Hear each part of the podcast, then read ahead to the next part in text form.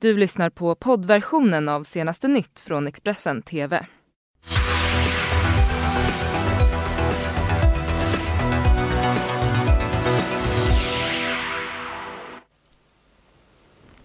God morgon och eh, välkommen hit till senaste nytt. Karin Bülow heter jag och det här är morgonens rubriker. Trump hotar att förstöra Turkiets ekonomi genom kraftigt eh, ekonomiska sanktioner om landet inte avbryter invasionen av Syrien. Stora demonstrationer i Barcelona efter hårda fängelsestraff mot katalanska självständighetsledare. Och krisen fortsätter på Akademiska sjukhuset i Uppsala. All planerad slutenvård och operationer ställs in även idag och imorgon. Men vi börjar med inrikesnyheter i korthet. Flera bilar brann på en parkeringsplats i Norsborg söder om Stockholm igår kväll. Branden var dock snabbt under kontroll och vid midnatt höll räddningstjänsten på med eftersläckningsarbete. Polisen misstänker att eh, bränderna var anlagda. Så utrikes nu. USAs president Donald Trump möjliggjorde Turkiets invasion i norra Syrien eh, genom att dra tillbaka sina styrkor därifrån. En vecka senare hotar USA nu med att, som de uttrycker sig, förstöra Turkiets ekonomi genom kraftiga ekonomiska sanktioner. Samtidigt har de syriska regimstyrkorna, som numera samarbetar med sin tidigare fiende kurderna, återtagit strategiskt viktiga städer i nordöstra Syrien. Den syriska armén uppger att de nådde fram till staden Manbij nära gränsen till Turkiet på måndagskvällen. Det rapporterar bland annat CNN. Manbij är en strategisk eh, stad, för alla. Eh, den ligger alltså på vägen till Raqqa och eh, är en stor stad i nordöstra Syrien. Efter avtalet mellan den syriska regeringen och de kurdiskledda SDF att samarbeta mot Turkiets militär så ska de syriska regimstyrkorna även ha gått in i staden Tel Tamer som ligger nära den motorväg som Turkiet sagt sig ha kontroll över.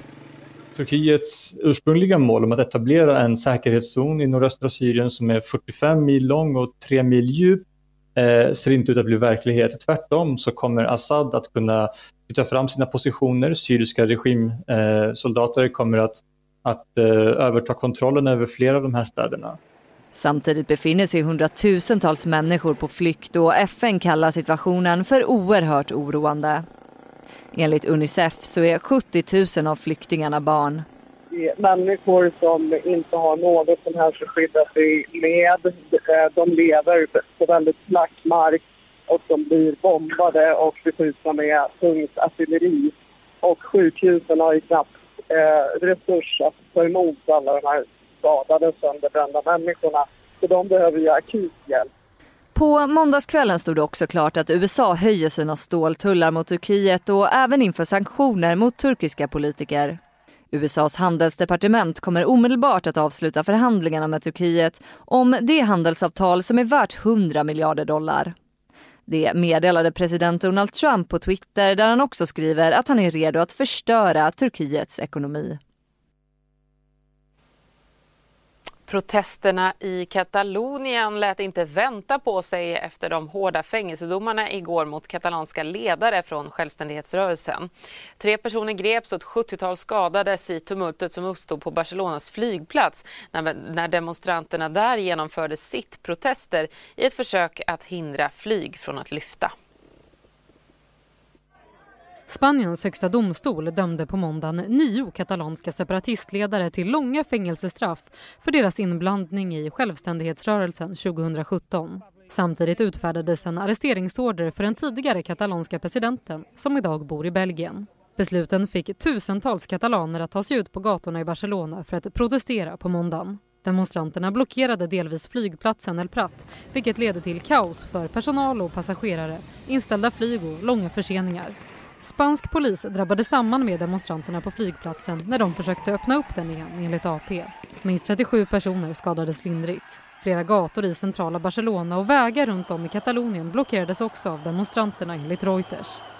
Det katalanska parlamentet utlyste i oktober 2017 en folkomröstning om självständighet för den spanska regionen.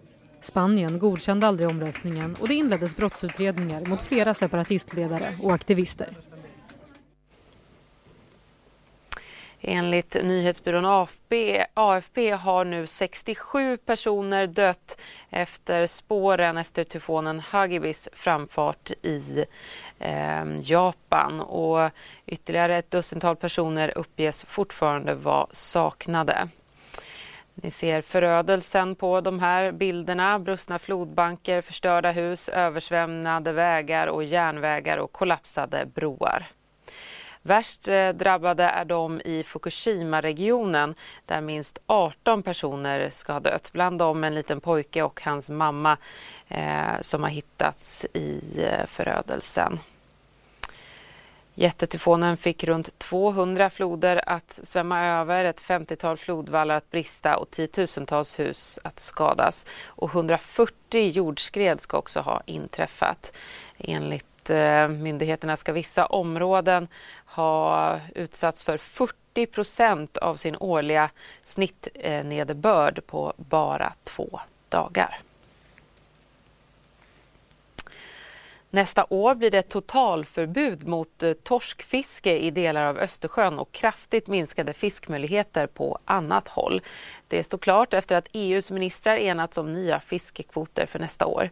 Enligt landsbygdsminister Jenny Nilsson som Ekot talat med så ligger de kvoter fiskeministrarna kommit överens om för nästa år inom ramen för det vetenskapliga rådet eh, som det internationella havsforskningsrådet ICES rekommenderat. Även om det inte blev riktigt så ambitiös som Sverige önskat och inte heller så ambitiöst som EU-kommissionens ursprungsförslag så är det nivåer som leder till ett mer hållbart fiske för de utsatta bestånden i Östersjön. De fem regioner som tvingats ställa in planerade operationer till följd av utebliven leverans av sjukvårdsmateriel kallades igår till samtal med Socialstyrelsen. Myndigheten för samhällsskydd och beredskap har tidigare kritiserat regionerna för bristfällig beredskap och sagt att det kan röra sig om ett lagbrott. I Uppsala förlängde man igår operationsstoppet ytterligare två dagar. Daniel Lingmo rapporterar. Ja, boende såväl som anställda på Akademiska sjukhuset i Uppsala reagerar starkt på att man den senaste tiden tvingats ställa in flera planerade operationer. Det här gör man på grund av leveransbrist. Sedan förra veckan har sjukhuset befunnit sig i stabsläge, något som skulle pågå i ett dygn. Det, är, det saknas eh, material som bland annat har direkt kopplat till operationer och intensivvård men också sånt som har att göra med vanlig vård av patienter som eh, strila handskar, handsprit med mera. Jag förstår att de patienter som drabbas kommer att känna sig eh, ledsna för det för vi är också ledsna att vi hamnar i det läget. Det är djupt olyckligt. Men bristen på sjukvårdsmaterialet har fortsatt och alla planerade operationer under tisdag och onsdag ställs in. Akutsjukvården och medicinskt angelägna operationer har inte berörts av stoppet, men materialbristen har påverkat många. Fruktansvärt. Att en sån här sak ska behöva orsaka så mycket sveda och värk för människor. Helt oacceptabelt. Det ska finnas till exempel på geriatriken, avdelningen där man tar in äldre, att det inte finns toalettpapper och det finns inte så att man kan göra rent. Det, det, är ju fullkomligt oacceptabelt. Anledningen till bristen på vårdmaterial är utebliven leverans från Apotekstjänst AB. Region Uppsala bytte leverantör till Apotekstjänst den 1 oktober och förseningarna av materialet uppstod strax efter. Även flera regioner har drabbats av förseningar av material. Regionstyrelsens ordförande Erik Weimann har sagt till UNT att han aldrig varit med om något liknande. Idag inleds rättegången mot två av Allras grundare och ytterligare två centrala ledargestalter inom sfären kring pensionsbolaget. Den centrala frågan i den, här del, i den del av härvan som nu ska behandlas i Stockholms tingsrätt är om PPM-spararna lurats på 137 miljoner kronor eller om det var helt lagliga affärstransaktioner som ägde rum. Det var i början av 2017 som skandalerna kring Allra exploderade. Bolaget förvaltade då premiepensionspengar åt 130 000 svenskar. Efter granskningar av bland annat Svenska Dagbladet så visade det sig att trots marknadsföring om tryggt pensionssparande så var fondernas avkastning låg.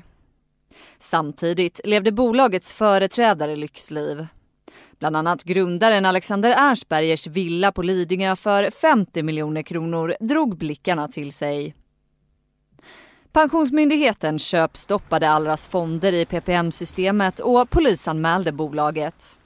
De meddelade också att de skulle stämma de personer som varit inblandade i skandalerna. Formellt är det sex personer som misstänks för brott i härvan där åklagaren menar att bolaget blåst pensionsspararna i PPM-systemet på pengar genom avancerade upplägg.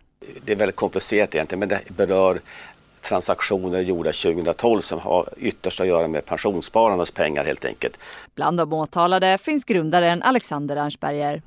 Jag tillsammans med mina kollegor är ganska övertygade om att det kommer att, att eh, visa sig då hur, hur nakna påståenden som åklagaren faktiskt har. Brottsmisstankarna gäller grovt mutbrott, grovt tagande av muta, grov trolöshet mot huvudman och grovt penninghäleri. De som nu ställs inför rätta är förutom Ernstberger även nyckelpersonerna David Persson Rotman, Olle Markusson och Johan Bergsgård. Alla fyra nekar till brott.